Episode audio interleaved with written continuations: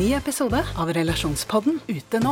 Datteren til en av lytterne våre har klippet av seg håret for å donere det bort, men nå blir hun mobbet for det. Hva kan mamma gjøre? Og hva gjør du når 14-åringen ikke vil ha den kjipe stebestefaren i konfirmasjonen sin? Ta hensyn til konfirmanten eller til mormor. Hør Relasjonspodden gratis der du hører podkast. En podkast fra Podplay.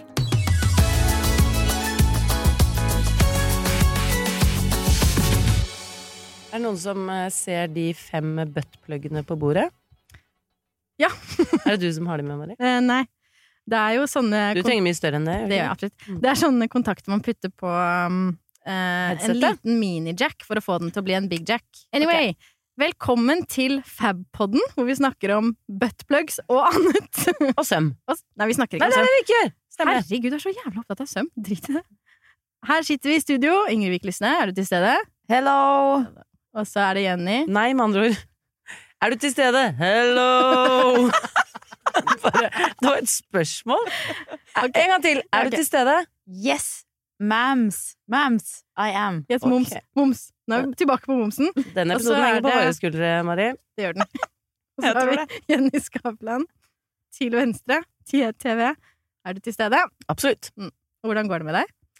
Eh, det går bra. Hvordan går det egentlig? Nei, jeg mimrer tilbake for et par uker siden eh, da jeg var, følte meg helt frisk. Det er en sånn tid! Det er et eller annet Enten så er det liksom noe, noe nakkegreier, eller så er det noe rivbeinsinfeksjon, eller et eller annet som kommer kilende. Tar du mitt poeng med at jeg har fått Nei, men eh, vi, nå er vi jo synka, Mari. Vi driver jo sender de samme linkene på tråden vår. Altså, vi er som sånn Vi er så synkrone nå. Så, Synkron. så begge får alt. Synkronsvømming. men jeg husker For noen uker siden så følte jeg meg altså så eh, Da hadde jeg så mye energi. Så deilig. Og da trente jeg i tillegg til å jobbe, og jeg Wow, sa ja wow, til masse ting. Og nå er det jeg som må ta konsekvensen av at jeg var frisk for et par uker siden. Det må nå, nå masse ting! I morgen skal på Storting i morgen! God, god morgen, Norge! God morgen, Norge skal vi på. Skal vi. Fader. Ja, men det er veldig gøye ting, da. Det er gøye ting. Det er Det er bare at det kommer litt i tillegg til alt det andre, så det føles litt sånn ååå. Ja. Men Men i bra. dag så syklet jeg hit med en utrolig god følelse i kroppen. Mm. Som, Jeg liker egentlig ikke snakke om drømmer, men Men! Men Jeg skal ikke snakke om liksom, veldig konkret hva drømmen handler om, men følelsen jeg fikk av drømmen, det var at jeg var eh, en veldig sånn nydelig skjønn konfirmant. Men så var jeg sånn gladjente. Jeg var ikke skjønn når jeg var konfirmant. Nei, jeg var helt nydelig skjønn konfirmant med lang hvit kjole og så litt ballerinasko. Men så klinte jeg med alle. Overalt hele tiden. Og dette var liksom menn jeg egentlig har i livet mitt, så jeg har sånn veldig sterke og veldig virkelige minner av at jeg har klina og ligget litt med ganske mange. Hvordan ligger man litt? Bare liksom bing, bing, bing, inn og ut og Bare ned, så sier jeg liksom? 'jeg kan ikke', jeg må videre. Så jeg kan ikke! Jeg må videre! Men jeg bare Følelsen av å være liksom ung, og alt var åpent og tilgjengelig, og jeg var ikke var åpen og veldig åpen og tilgjengelig selv da jeg var konfirmant, og jeg vil ikke anbefale konfirmanter å drive med dette med mindre dere føler dere klare. Men uansett, da jeg syklet hit i dag, så følte jeg meg ikke som en eh, sliten eh, tobarnsmor med Mm. nakkevondt og gnagsår. Jeg følte meg som en ung og um, nyklint og nypult dame, og det var så deilig! Shit. Wow. så deilig. Kjenner dere, kan dere kjenne på, hvis, hvis dere kliner med noen i drømme, og så kjennes det virkelig ut? Absolutt. Absolutt. Jeg kjenner også på det. Ja ja, absolutt. Ja ja, ja. Det Men blir det, noen blir skamfulle av å drømme at de kliner med en annen. Det skjønner ikke jeg. Ja, nei, det gjør ikke jeg heller. Jeg tenker bare mer sånn herre «Åh, Endelig kan jeg oppleve dette på en lovlig måte. For en Lovlig gave! Ja, det er det jeg også Helt tenker. enig. En Så lovlig jeg syns det er gave. veldig gøy når det, gøy når det skjer, men jeg synes veldig mye oftere Men jeg har en skam med meg i drømmen som ofte gjør at liksom det ikke skjer. At det er sånn nesten at det skal skje, så bare nei. Mm. Å, du er skjønn! Du har prinsipper i drømme! Ja, ja, prinsipper Det har ikke jeg. Nei. Hva med deg, Mari? Har du prinsipper i drømme? Jeg tror det. Men spør om hvordan det går, da. Fordi dette er litt sånn apropos hvordan det går med meg. Du tok på en måte mine poenger. Fordi så synka. Hvordan går det, Mari? Bra. Hvordan går det egentlig? Jo da, det går bra. Men én ting jeg har eh, oppdaget, er det å være liksom nyforelsket. Eh, og ha Å være litt småkåt. Og ha urinveisinfeksjon. Dårlig idé! Dårlig kombo! Dårlig kombo! Veldig dårlig kombo. Men veldig typisk kombo. Ah, ja, men i går så fikk jeg antibiotika. Shout-out Big Pharma. Big Pharma, ma- ja. ja. Men, yeah. Så da våknet jeg opp i dag, og så tenkte jeg Staring At a blank page before you Open up a dirty window Ikke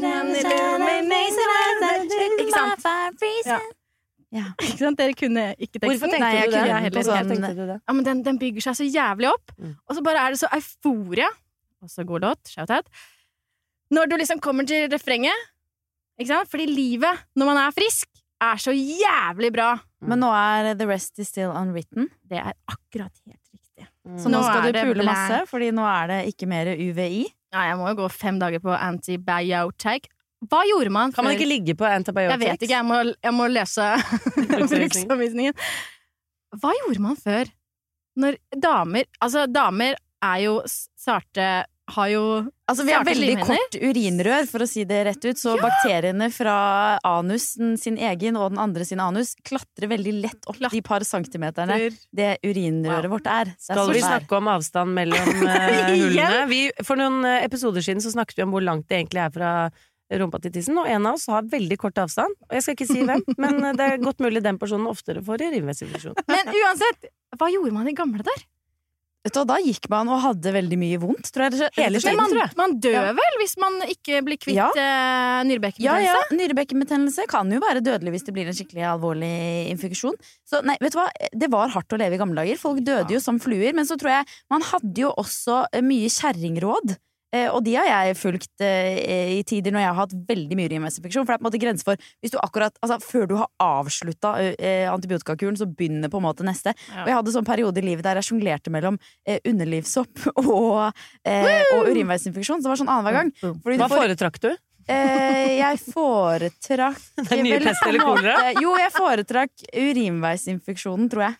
Jeg tror jeg foretrakk- soppen, ja. Men, men sant, det er en ond sirkel, fordi du får urinveisinfeksjon, så får du antibiotika. Antibiotika gjør noe med på måte, balansen i bakteriene. Du sopp. Nedentil, da får Ja. du sopp, og så eh, liten soppmedisin, og så vops, da hadde det ikke gått Du mange dager før jeg Du var i gang. med, nå sitter Ingrid med hendene gir. sine. Gir, gir, gir! Jeg fikk ikke vært med! den! du kan ta den alene.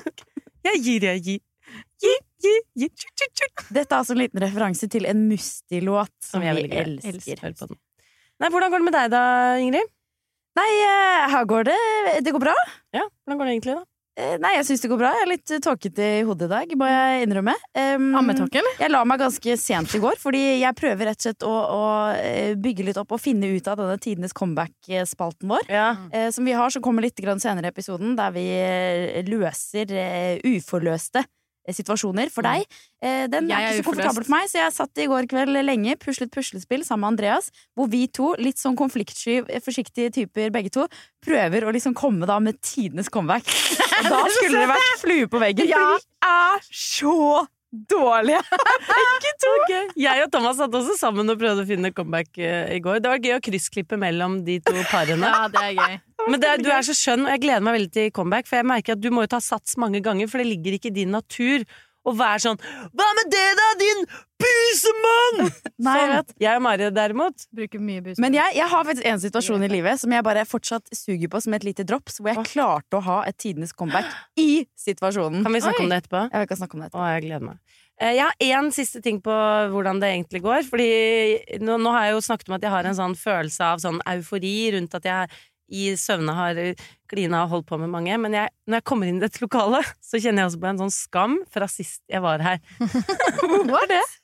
Nei, det tror jeg er en sånn eh, Jeg har jo et sånn latent å bli veldig sånn overivrig og litt grovere enn jeg egentlig er komfortabel med, fordi jeg bare Det er så tilgjengelig for meg, og så er jeg liksom Jeg går så lett dit, men inni meg så er jeg jo egentlig ikke så glad i å være hun grove rappkjefta, på en måte. Ja, men vi elsker Og at du er det. sist vi var her, så sa Øystein som sitter rett foran meg, sa sånn, sa sånn Ja, jenter, skal dere Det er pølse, pølsetorsdag, eller hva det var. Pølsefredag.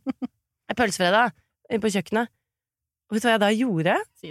Jo, jeg husker det! Du tro, Jeg begynte å opp begynte å dra av meg buksene og løpe mot kjøkkenet! Stemmer det? Som om jeg skulle ha Ja, ja. pølse. Altså, Men du fikk i deg to pølser. Ja, ja, i munnen, ja, men det der kroppsspråket mitt illustrerte at er pølse på kjøkkenet? Da bare ri... Altså, og så bare gjorde jeg det, og etterpå så har jeg liksom skammet meg. Og når jeg kom inn her nå, så var jeg sånn Jeg håper ingen så den derre Jo, det så jeg. Jeg sto og fylte vann samtidig, så jeg så bare en sånn rumpe med liksom buksene nedpå Ja, ja. knærne løpe inn rundt hjørnet mot kjøkkenet. det var en grotesk ting å gjøre. Ja, ok, Apropos din historie, nå har jeg en historie. Har du også okay. noe anger? Jeg har også en anger. Den er også veldig god. Og det er sånn, litt sånn omvendt uh, tidenes Er det da du snakket om barneporno på Stortinget? Det, det syns jeg var gøy. Har du gjort det, Nei, jeg Mari? har ikke gjort Ja, det. jo, du gjorde litt det. Filme Få høre. barn og noe. Ok, drit i det. Slutt! Slutt! Det er ikke den historien. Ok, mm, Skal da ta tar vi andre. Eh, Jeg var alene på kontoret for noen år siden på HQ, akkurat når vi hadde flyttet inn. Og det, vi hadde et lite museproblem på kontoret, sant? Det var Og, da, og her Det var snakker vi mye mus faktiske mus, som bygget. du Ja, lærer om pip-pip. små mus, så vi hadde fått en sånn musefangerboks. En, mus, altså en museboks som gjør slemme ting med musen, og den dør. Du, La oss ta det litt mer grafisk her, bare så folk kan se det Ja. ordentlig for seg. Det er, hvis dere ser for dere, en gammel stasjonær PC. Den mm. boksen man da hadde under skrivebordet mens man hadde skjermen oppå. Veldig lik fasong og form og farge som en sånn en. Mm. Eh, Bare at greia er at inni der ligger det et eller annet deilig som gjør at musen lokkes inn i et lite Mm. hull nederst i den boksen. Eh, og når musen kommer inn der, så gir denne maskinen den et elektrisk støt, så den dør momentant. Og så vakuumpakker den musen. Det er så gross. Så den svøper musen inn i en sånn liten plastikkpose og suger ut luften. Sånn at der inni er der ligger det etter hvert noen vakuumpakkede døde mus. Og så kommer da han fyren inn en tidlig morgen, han som skal hente og ta ut disse avdøde musene. Tømme musefangeren. Tømme musefangeren. Og så sier jeg sånn, rett før han går, så sier jeg sånn Du, når du drar på byen, kaller du deg musefangeren da? Sier du det Bare? Ja, jeg sa det! Og så tenkte jeg Og så fikk jeg sånn ansiktsuttrykk sånn derre Hjelp! tenkte han. Og så gikk han ut. Han klarte jo ikke å si noe tilbake. engang! Kanskje han kommer til å sende inn tidenes tenkte, comeback? Fuck! Dette her er metoo, bare omvendt. Fordi han syns det Jeg tror han syns det var ubehagelig. Ja. Det var, det var jævlig dårlig gjort. Men vet du hva, Mari, vi har en spalte her som heter Tidenes comeback, så jeg tenker kanskje vi skulle, kanskje vi skulle ta den saken Ja, i vi Tidenes comeback inn der. og se hva burde Mr. Musefanger Ja. svart Mari Nordén. Kjør jingle.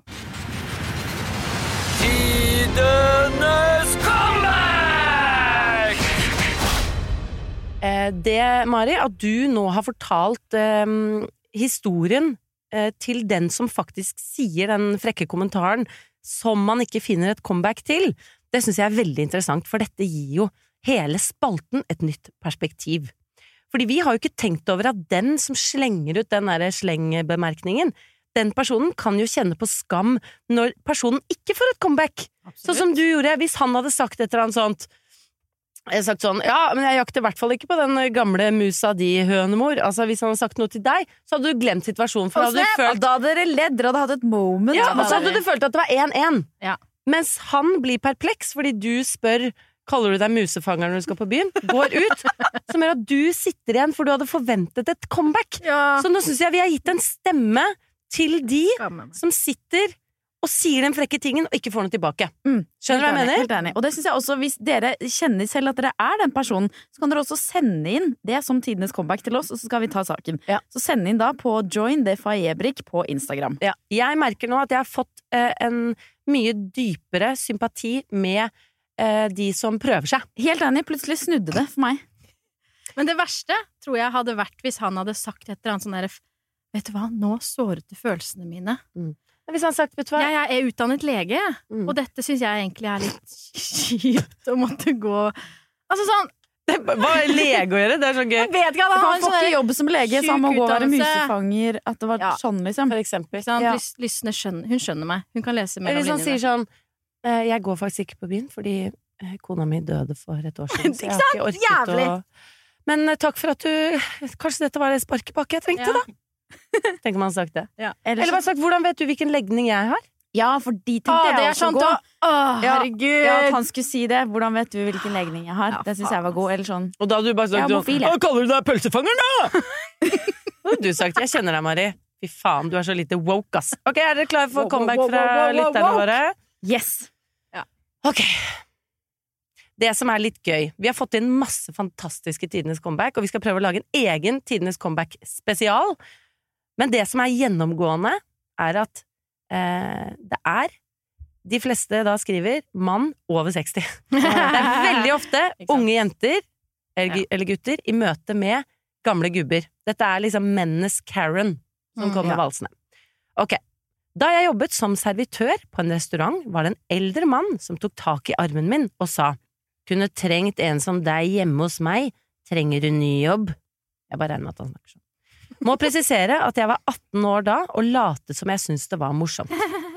Hvor han så meg dypt inn i øynene uten å trekke på smilebåndet. Hva burde jeg sagt til denne oh. gamle grisen? Oh. Ok, vil dere høre hva Andreas og jeg eh, satt Ja. ja! Er du Eh, komfortabel med dette? Nå er jeg veldig komfortabel. Mm. Hør nå, kommer tidenes comeback fra Ingrid og Andreas. Kjør. Jeg, vi, ville sagt Det har du ikke råd til. Boom! Den, den brukte, vi brukte litt tid på å koke opp den. Det var Andreas sin Og da sier han sånn, ikke min. Hvor mye, tjener, hvor mye tjener du som servitør her på denne restauranten, da? Jeg, dobler det. Da sier jeg det har du fortsatt ikke råd til. Boom, Ingrid! Fy faen, nå er du god. Jeg er okay. influenser på siden. Du vet ikke hvor mye jeg tjener der. Mm. Boom. Må jeg merke det med hashtag annonse? Må det merkes som kommersielt samarbeid? Ja. Hvis jeg tar et bilde hjemme hos deg mens jeg jobber hos deg? Ok, skal jeg prøve meg på en? Ja. Hvis man ser på han med liksom forvirret uttrykk ah, Vet du hva, nå tror jeg at du tror at jeg er en grisebonde. En som passer på gamle griser som deg, men jeg er faktisk bare en servitør. Oi! Den var bra! bom, bada, ja, ja. bom! Bom, bom, bom. Ja, den var god. Ja, den var skikkelig god. Jeg har ikke noe bedre enn disse to. Kjære lytter som har sendt inn denne, her har du potensielle comebacks som du kan spille ut i din egen fantasi. Eventuelt kan du komme og møte oss på kontoret vårt, så kan vi spille den ut i RL, hvis det får deg til å føle deg bedre. Absolutt. Eh, her kommer en tidenes comeback eh, til. Jeg var i et møte med studentorganisasjoner, og vi skulle over til noen saker som ikke angikk alle. Jeg var litt usikker på om jeg skulle bli, og nølte med å gå. Lederen for studenthuset sa du er veldig pen å se på, men jeg tror ikke du trenger å være her for dette. Det var rett før metoo. Jeg ble bare paff og gikk. Hva skulle jeg sagt? Å, den syns jeg er litt vanskelig, fordi eh, jeg er litt så godtroende i sånne situasjoner, jeg. Og eh, jeg blir litt sånn Jeg vet kanskje det er litt feil og, og sånn i den tiden vi lever i, men jeg tenker litt sånn Han sa jo bare at hun var pen. Så jeg tenker litt sånn Jeg ville sagt 'Å, tusen takk', så hadde jeg gått. Ja, det, det er kanskje litt feil. Ja, er det, blir jeg ikke sint nok da? på en måte? Jeg vet, ja, det spørs om hun ble sint i ettertid. Fordi det ble hun jo tydeligvis hun, hun syntes det var ubehagelig. Mm. Så hun følte jo på et ubehag. Så det beste hadde jo da vært å ta han til side og si det er veldig hyggelig at du syns at jeg er pen, men dette er ikke liksom stedet til det. Og så kunne han fått sjansen til å si å herregud, ja, det var kjempeherlig, jeg bare sa det fordi jeg har egentlig lyst til å be deg ut på date, vil du være med ut på date? Jeg følte Ikke også sant? at det lå noe sånt der. Ja. Mm, kanskje. Mm. Det er jo liksom, men, men, Men comeback der og da, da. I Ja. rommet. jeg, jeg hadde kanskje mm, eh, tenkt sånn i, I denne situasjonen så sitter man jo i et rom, man har tid, eh, kontra de andre comebacksene vi har hatt, så Mm. har det vært sånn Noen har sagt noe i forbifarta. Ja, ja. Ikke sant? Men her står du med du publikum. rommet. Ja, Mm. du hadde rommet. Men da må jo hun være liksom ekstrovert nok til å ta rommet, da. Og tenke sånn, og si sånn Hva sa du?! Jeg tenker også sånn Unnskyld meg! Ja. Hva sa du? Si det litt høyere, liksom. Bare sånn Mm. Her er det flere som syns at det der lyder veldig umusikalsk, liksom. Eh, Men jeg tenkte også at eh, La oss si hun har på seg nylonstrømpebukser, da. Litt sånn tynne strømpebukser. Det ville jeg, jeg ville bare stått og sett på han, og så ville jeg tatt av meg strømpebuksen mens jeg ser han inn i øynene. Er det pølsefredag? Og så ville jeg dratt strømpebuksen over hodet. Først nedover, sakte. Og så ville jeg dratt den, tatt tak i på toppen og dratt oppover, for da vet jeg at da får du et ordentlig artig fjes. Oppover, oppover, oppover, oppover. oppover. Stått lenge og bare sett på han gjennom nylonstrømpebuksen. Og så ville jeg Og så ville jeg tatt den av, og så ville jeg sagt tusen takk. Og så ville jeg gått. Oi, ok! Helt stille og rolig. Det beste er at du er av deg strømmen. Jeg har brukt god tid. Lang tid. Ja. Mm. Nå gjør jeg det. Nå gjør jeg det her i studio. Du er pen. Eller kanskje man skulle satt i gang en sånn sånn som man drev med på barneskolen. Og sa sånn Du er veldig pen, så blir det du er pen. Han var sånn, du- Nei, du er pen. Nei, du er penest. Ja, det er også Du er pen. Nei, du er mye penere enn meg! Nå går jeg. Nå går jeg, du er penest. Og fortsatt på vei ut. Du er pen. Og så opp, gått ut, lukket opp døren. Du er nydelig. Å, det hadde vært gøy! Hvis du som hører på sitter inne med en situasjon der du har opplevd noe lignende, at du ikke kom med det comebacket du skulle ha kommet med, vær så snill, send inn situasjonen til oss på Join the Faebrik på Instagram, så kanskje vi tar den med i podden. På søndag så var jeg på eh, en solidaritetsmarkering for kvinnene i Iran utenfor Stortinget i Oslo. Og da gjorde jeg meg opp noen tanker. Fordi eh, dette er jo da en Dette var jo en, en markering som har blitt delt masse i sosiale medier tidligere. Amanda Delara har vært med å arrangere den, Astrid S skulle synge, Amnesty Det er jo veldig sånn Det har blitt delt veldig mye story at folk skal møte opp der, liksom. Og så kan man jo liksom det er jo på en søndag, plutselig kommer dagen, og så er det et eller annet man skal, og så får man det ikke til, og man har jo en ambisjon om å liksom møte opp og sånne ting. Plutselig får man urinveisinfeksjon, for For eksempel. eksempel. Eh, men så tenkte jeg på liksom, for før jeg dro, så tenkte jeg sånn, jeg vil fylle antallet, jeg vil at det skal være så mange som mulig der, liksom. Eh, men så sto jeg der, og så skjønte jeg at liksom, um, hvorfor det er viktig at man fysisk møter opp på litt på ting, da. Mhm. Kanskje spesielt ting som handler om vik store, viktige ting i samfunnet som trenger eh, en stemme, eller som trenger liksom et moment for at det skal ha en betydning. Når jeg står liksom midt i folkemengden der, så er det noe med at man, man fysisk står tett på folk som er veldig beveget og veldig opprørt. Og det var masse eh, Og jeg tenkte på forhånd som dette er en kvinnemarkering, men det var jo mye flere menn enn kvinner der. Masse menn, iranske menn, masse iranske kvinner, masse barn, masse Altså, veldig mange forskjellige mennesker var der. Men det der å, å øh, stå liksom skulder ved skulder, kjenne kroppene til hverandre, se fjesene til hverandre, se opprørte fjes fysisk fremfor å se bilder av de Mm. eh, på internett, det å ehm, og da kobler man seg på saken på en helt annen måte. Så etter jeg var der, så har jeg vært sånn Nå har jeg sett hele Urix! Jeg bare Jeg søker informasjon om status i Iran fordi jeg har kjent det så på kroppen. Og jeg undervurderte litt den der effekten det har når vi lever i en verden hvor det er så lett å bare reposte et bilde, se på denne sterke historien. Altså bare vise verden at man er oppdatert, fremfor å kanskje liksom virkelig sette seg inn i det og forstå det og føle på det. Og jeg tror det er så lett å bli nummen i vår tid at man må kanskje dytte seg selv litt sånn ekstra tett innpå ting fysisk for å klare å føle det, liksom. Mm. Um, og etter at vi hadde sett på denne fine markeringen uh, og masse fine taler og sånn, så kom det Det var jeg og Malin, en venninne av meg. Så kom det uh, en gjeng på fire iranske damer på vår alder bort til oss, og så sa de takk for at dere kom, og vi bare herregud, det skulle bare mangle. Og så begynte vi å snakke med de, og så fortalte de oss sin historie, hvordan hun er redd for sin tvillingsøster som sitter i en leilighet i Iran, men de må ut i gatene, hvis ikke så blir det ikke noe revolusjon.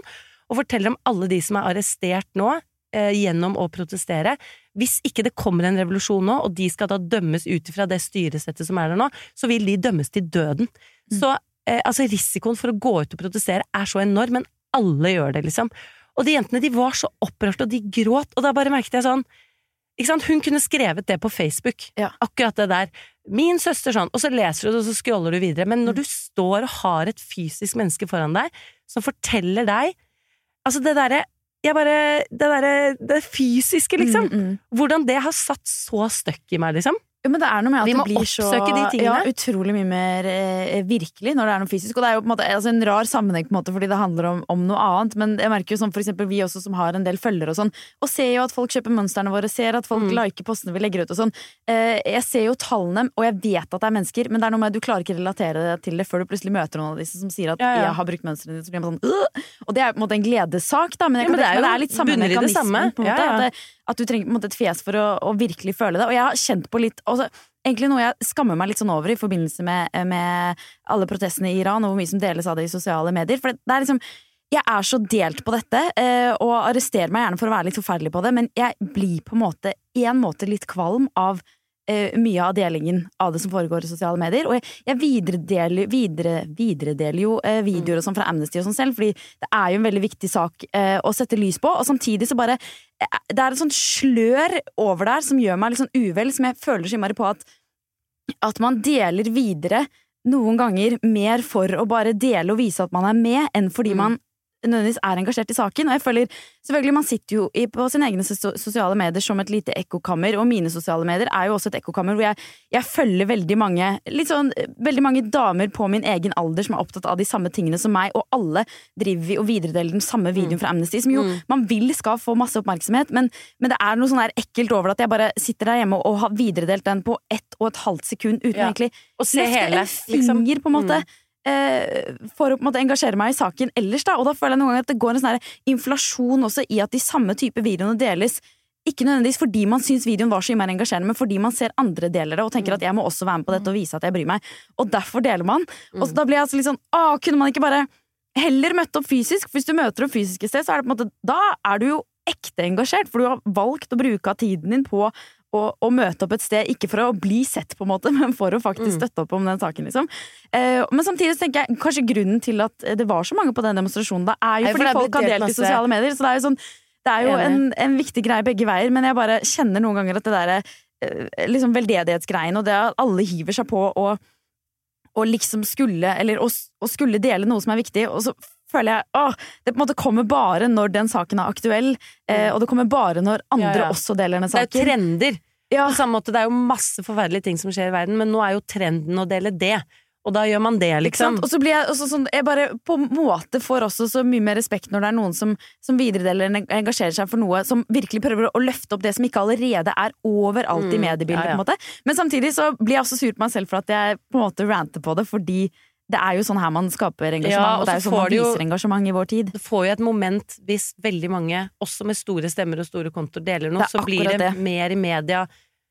Da vet plutselig liksom de aller fleste i Norge status på det som skjer i Iran, som er kjempeviktig, men jeg er helt enig i at, at um, ja, kanskje man skal ha litt lavere terskel for å engasjere seg fysisk, litt høyere for å engasjere seg digitalt. Eller kanskje man bare Jeg tenker man skal egentlig ha lav terskel for hele greia, men, men det går på en måte an å tenke også at det er lov å engasjere seg i ting også utenom når det er en hype, hvis man kan Ja. kalle det det, å engasjere seg i noe. Og også på en måte for, liksom, Ikke at jeg er perfekt på det her, så jeg må ikke si det, men sånn Jeg bare savner litt at folk setter seg på en måte ordentlig inn i sakene og kan engasjere seg på en måte som er mer enn å bare videredele noe. Mm. Som jeg gjør selv hele tiden, selvfølgelig, bare videredele, men sånn eh, og sett, ja, at man liksom setter seg liksom ordentlig inn i de tingene man har lyst til å være engasjert for. Sånn at man kan være engasjert for å faktisk overbevise andre, og ikke bare reposte en eller annen ting til som folk scroller videre på. på en måte Det hadde vært så ah. Komplekst. Bra oppsummert, Mary. Takk. Det er komplekst. Det er komplekst. Faen meg komplekst. Og det med at liksom. liksom vi, vi lever i en 2D-verden på internett. Når vi kommer et sted, så er det, det er en dimensjon til. Ja, det er det. Mm. Og det er jo den som er det- viktig. det Det, det er jo den ekte dimensjonen. Og det syns jeg er helt fantastisk å se, er jo fordi jeg, jeg følte sånn for kanskje ti år siden så snakket man jo om at har verden flyttet seg til internett, ungdommene gjør ikke lenger opprør, går ikke lenger til gatene. Mm, Tenker bare om folk går til gatene, ja! Mm. Det er jo masse demonstrasjoner, og det har vært særlig i kvinnekampsakene masse demonstrasjoner i Oslo og egentlig hele landet rundt på forskjellige ting hvor folk møter opp fysisk, og det syns jeg er helt fantastisk å se, for det er noe med også den kraft man på en måte viser utad når en så stor folkemengde eh, faktisk samles, men det gjør noe med de som møter opp også, da, sånn som det har gjort med deg, Jenny, at liksom saken går ekstra inn på deg. Mm. Men man kjenner jo litt et ansvar også når, når man skjønner at noen er veldig takknemlig for at man møter opp, så kjenner man på et ansvar at nå skal jeg i hvert fall liksom sette meg inn i det. Men jeg har én bekymring til rundt Mm. denne nummenheten man kan kjenne på hvis alle historiene, alle sterke historier eller menneskeskjebner man får presentert, skjer via tekstform eller videoform gjennom en skjerm. Ja. Fordi nå har det kommet uh, nye undersøkelser i forhold til unge mennesker som er mye mindre fysisk sosiale enn det vi var. Fordi de kan være sammen på Snapchat og sånn. Og det, dette er jo bare dette et eksempel på at hvis man ikke sitter ovenfor et menneske og ser de inn i øynene og kjenner på liksom at de er et menneske av kjøtt og blod, liksom, eh, så er det jo også veldig lett å bli litt mindre sympatisk, liksom. Mm. Og være litt styggere i kjeften tilbake, for det er lettere å være litt slem Ja, eh, gjennom og en ser skjerm. du i kommentarer Og så, ja, så jeg bare åh, Jeg har så lyst til at eh, folk skal møtes øh, øh, Ja. Jeg er enig. Og så tror jeg noen ganger Det har også jeg lest en undersøkelse på at eh, og det handler jo mer om sånn sosial, ikke nødvendigvis politisk engasjement, men sosial kontakt, er at du får en litt sånn falsk følelse av sosial kontakt når du sitter og chatter med noen, for eksempel, Mm. eller ser bilder eller video eh, av dem, for du kan få en følelse der og da at man liksom er sammen, men så har man gjort undersøkelser at sånn i hjernen, de type sånn tilknytningshormonene, eller, de, de, de hormonendringene som skjer når man har kontakt med et menneske og sitter og prater eh, ved øyne i øyne, mm. de får man ikke når man ser på skjerm. Så det er, det er en litt sånn overfladisk, falsk følelse Mm. av sosial kontakt. så får man kanskje mer endorfiner i å, i å se at man får en ny melding, og ikke vite hva det står der, Ja, det er det. istedenfor at man Det er samtalen man Mm. faktisk er Og interessert klemmen når man møtes og de tingene. Ja. Og vi for eksempel, som i noen perioder jobber ganske digitalt fordi alle er over hauger og Mm. gjør ting, vi fungerer så mye bedre når vi fysisk Ja, ja. møtes. Vi jobber mer effektivt. Vi har liksom en større er toleranse og forståelse for hverandre, så det er Ja. magisk. Mm. Er jeg den eneste som Hopper over streker på gata. syns det er litt rart med Ikke lunka vann. Litt godt av Noen ganger syns det er gøy å Setter pris på en god runde med Vi har jo godspalten Er jeg den eneste som? Hvor vi da spør eh, hverandre om ting vi eh, føler at vi er totalt unike på. Eh, Eller dere som har sendt inn meldinger til oss om hva dere syns dere er totalt unike på. Eh, Og du har en i dag, Lysne. Jeg har med en i dag. Jeg har med en, eh, en ganske nasty en. Jeg vil bare advare dere på forhånd. Og dere som har litt eh, sarte ører på ekkelhetsfronten, dere kan godt skru ned lyden hvis det blir for mye for dere, eller kanskje mute litt akkurat nå. Men eh, ja, jeg har en Prøv å si det på en skjønn måte? Bytte si ut litt ord og sånn. Okay. Skjønn er et av mine favorittord. Skjønn. Men jeg, jeg er mer glad i å gå litt sånn rett på sak. Jeg, tror, jeg vet ikke om jeg klarer å skjønnmale det så veldig. Men jeg lurer på um, Dette her er altså mest relevant for de av dere som har eh, husdyr. Jeg har en liten hund som heter Hundre. Og vi har en slags liten kveldsrutine som jeg lurer på om vi er den eneste som. For når jeg eh, går på do om kvelden, eh, så setter jeg meg ned på do, så tar jeg av meg trusa, og så skifter jeg gjerne til pysjamas mens jeg sitter på do. Mm. og da hører jeg ofte poten til hundre komme sånn på døra. Og da lurer jeg på, er jeg den eneste som gir mine skitne truser til hunden min for at han skal få slikke på dem? Nei, slutt å tulle. Nei, Ja, du er den eneste som! Det er gross as fuck! Ingrid, du og hundre, hva Det er gross. faen er det dere driver med? Nei, det er akkurat dette vi driver For med. et nasty par. Ja! Altså, jeg har hatt mange hunder også opp igjennom, både Børre og Bror. Og de, Børre og Bror de får holde seg langt unna mine skitne truser. Ja, fy Men det som er litt gøy også, Jeg har jo veldig veldig svakt hjerte for denne hunden, så da jeg skjønte at han var obvious. opptatt av mine truser, så tenkte jeg ja ja, det skader jo ingen. Men vet du hva, det skader faktisk noe litt, og det er trusene mine. Så da jeg tok på meg truse i dag Ryktet ditt skader det! Over med! Ryktet mitt, det driter jeg i. Det går bra. Ja, det er Men fucked allerede. Hundre liker at Du sitter med tåteflaske på do, og bikkja di sleiker på trusene dine. Fy faen, Ingrid. Herregud. Ingrid bruker tåteflaske, hør episode når, to. du, når du sier det på den måten. Tenk at folk fortsatt er glad i meg, hæ? Men ehm, ja, det er det vi gjør. Så det, litt problemet mitt nå med trusen er jo at han slikker jo på en måte og jobber såpass hardt med disse trusene at jeg får jo hull i veldig mange av trusene mine. Så den Du som har så nydelige truser der er også. to små hull. Det ser ut som det er møllspiss, møllspiss men det er altså hundespiss. Det er et par små hull liksom i der hvor det er sånn dobbelt stoff. Tenk, Ja, ja, ja. tenk Der er hvor utfloden ligger. Der hvor utfloden ligger. Det er Tenk den at du er av. forlovet. Det forstår jeg. Nei, vet du hva, Ingrid? Det jeg, nå, nå føler jeg meg Jeg var litt hard mot deg, men dette kler du fordi oh, du er en så skjønn person. Og du og Andrea som sitter der og pusler puslespill med nystrøkede skjorter og made to measure-blazere. Measure. Og i vintage-møblene deres med et piano. Dere er jo så skjønne. Og dere er så renslige, og du har så nydelige blondetruser. Og du har alltid, aldri luktet at du lukter vondt. Du er et nydelig menneske, så du kler at du har en bikkje som skraper på døra når det er trusetid. Når han skal sleike utfloden din fra de gamle trusene dine. Det tenker jeg gir deg Det gir deg en um, edge. La oss si edge. edge. Vi kaller det edge. Vi kaller det edge. Så Ingrid, en applaus for Ingrid for å dele. Tusen takk. Tusen takk. Ja, den er god, ass. Du er søt, ass. Herregud, dette må være en egen form for porno. Jeg syns det er ekkelt. Men uh, ja, fra meg. Eneste som. Hva tenker du? Absolutt eneste som. Kommer til å forbli eneste som. Men jeg lurer på, tid. hvis det er noen der hjemme som har denne samme kveldsrutinen med sin hund, send meg gjerne en liten melding, så vet jeg at jeg ikke er alene. Ja, gjør det, fordi Vær så snill, hun kan ikke være alene om Ja, dette gi her. henne noe Gi henne, kom igjen, gi henne noe. Ok, da er det lytterne som har sendt inn eh, Er jeg den eneste som?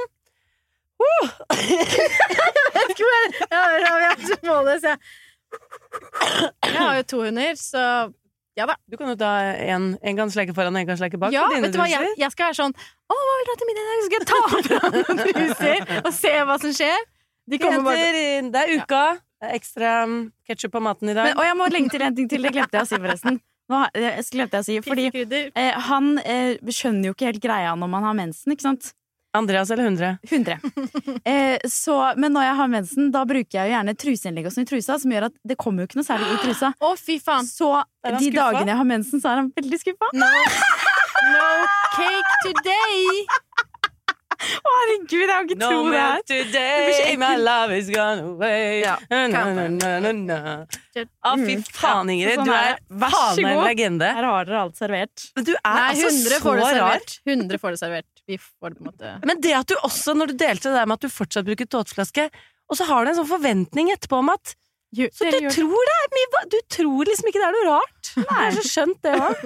Ja, men tenker, Plutselig er det sånne ting man er mange om. Og det, den deiligste følelsen i verden er når man plutselig er mange om noe man trodde man var alene om. ikke sant? Helt Jeg tenker, jeg må jo ha forventninger der til for at dere er sånn ja, ja, skjønner hva du mener. Absolutt. Men øh, hvordan reagerer Hva syns Andreas om denne lille rutinen til deg og hundre?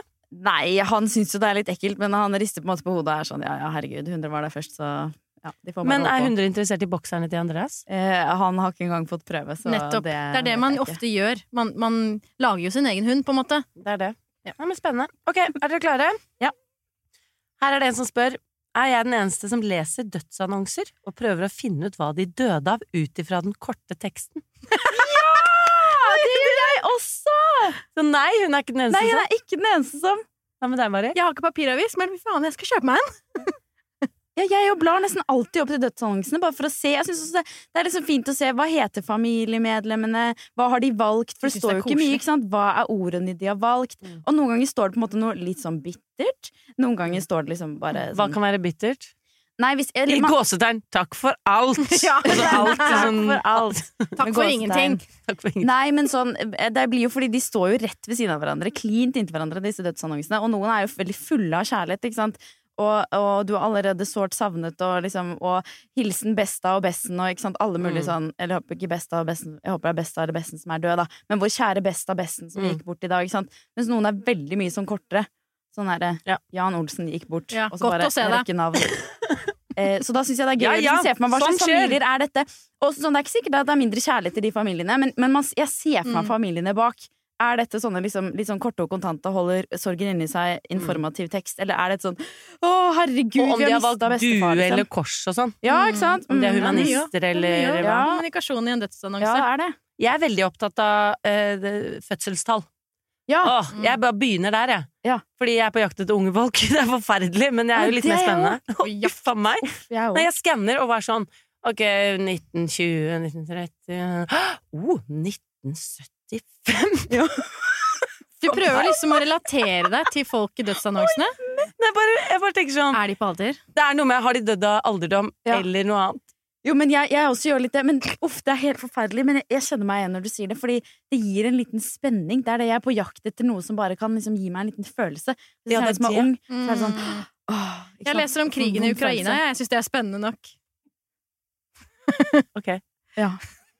Nei, men jeg også noen ganger så er det sånn Å, fy faen, født i 1990? Ja. Eller, Eller veldig gamle. Jeg kan bli sånn Å, herregud, de er født i 1919. mm. Og så ble jeg sånn Det var rett etter unionsoppløsningen. Wow, tenk hva de har opplevd. Og så wow, tenk hvor gamle de ble. Og lurer på om de fikk brev av kongen da de ble 100. Og?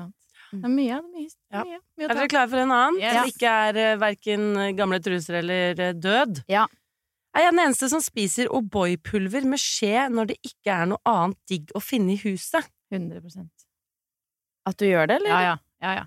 Så nei, hun er ikke eneste Hun som er ikke den eneste som, fra min side Det, er- det, det, det som er veldig viktig, er å ikke hikste eller le, Ja. fordi da får du det ned i halsen, Ja. og så hoster du det opp. Og det, er- det er tortur istedenfor pleasure. Ja, for den føler jeg jeg har gått på, og dermed ikke gjør det igjen. Mm. Den der få det opp i nesa, og da, da er det ikke Uff, godt lenger. nei. Det bare svir. Nei, men Trikset er å bare blande i to dråper med melk. Men ikke ha melk! Du har ikke melk! Nei, men da litt vann, bare sånn at det blir eh, som en saus istedenfor. En liten Mm, tykk eh, saus. Tykk saus. Men har dere noe Hvor godtesugende er dere på kvelden? Det går, i, det går i bølger og daler, men ofte ganske godtesugne. Mm. Det melder seg som søtbehov. Men det er som hvis jeg har vært flink til å ikke spise noe særlig sukker en periode, så får jeg heller ikke søtbehovet. Så det, det er en sånn her liten sånn Men man kan sikkert tegne det ut som en graf med små sånn graftopper i hvor Ja, og så har det er. litt med eh, syklus. Ja.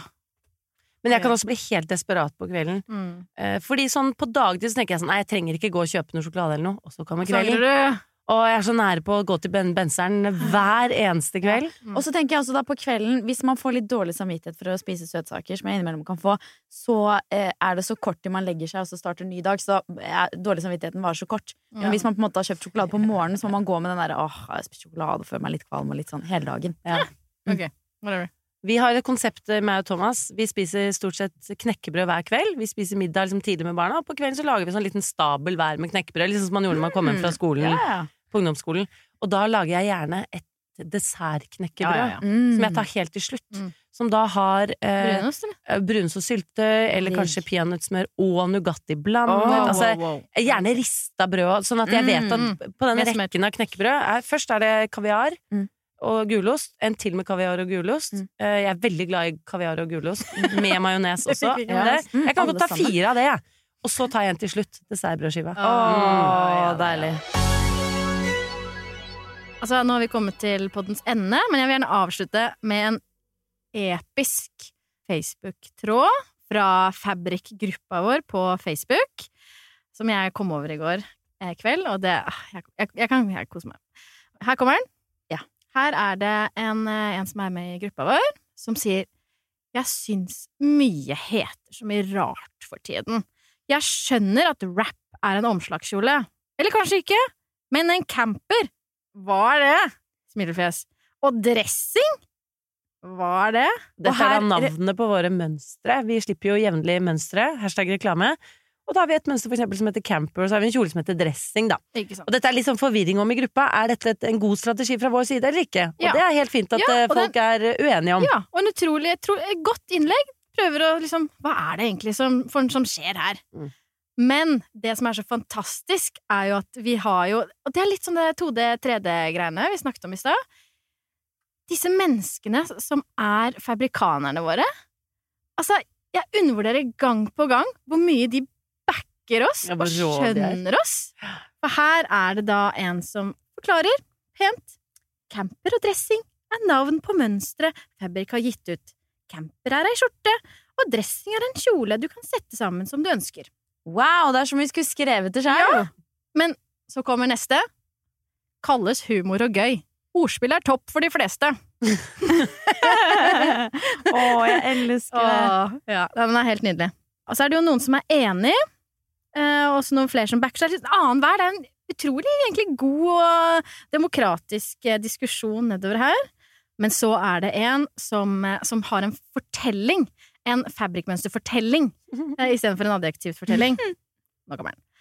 Nå camper jeg med Jackie Kennedy med festbluse på.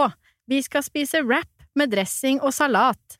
Jeg tar det helt easy-peasy pants med noen trackies. Senere tar Jackie og jeg en tur på byen med korsett på, og der møter vi Gabby med buksene av. Men hun har partypack på, og hunden Dolly synes han ser rar ut. Nei, herregud, så fantastisk! Stas er hva folk jeg har satt seg inn i og Ja, ja. vet om universet vårt. Det er, vi blir rørt og glad. Og hvis du vil inn i denne spennende Facebook-gruppa, så er det egentlig bare å søke opp eh, Fabrik på Facebook. Og der er det masse hjelp å få også. Folk hjelper hverandre med hva de skal sy av hvilke stoffer, trøbbel med symaskinen, masse, masse gøy. Så kos dere der inne om dere har lyst til å komme i gang med å sy. Så dere, vi skal eh, tilbake til jobben og sy, vi nå. Det skal vi, og jeg gleder meg skikkelig til å sy mer. Og så gleder jeg meg også til neste Fab-podkast-episode.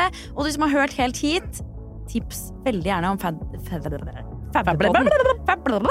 Fab-podkasten til en venn, og trykk gjerne på abonner eller følg også, så får du beskjed med en gang det kommer en ny episode. Ok, er det ha det, da? En, to, tre. Ha det!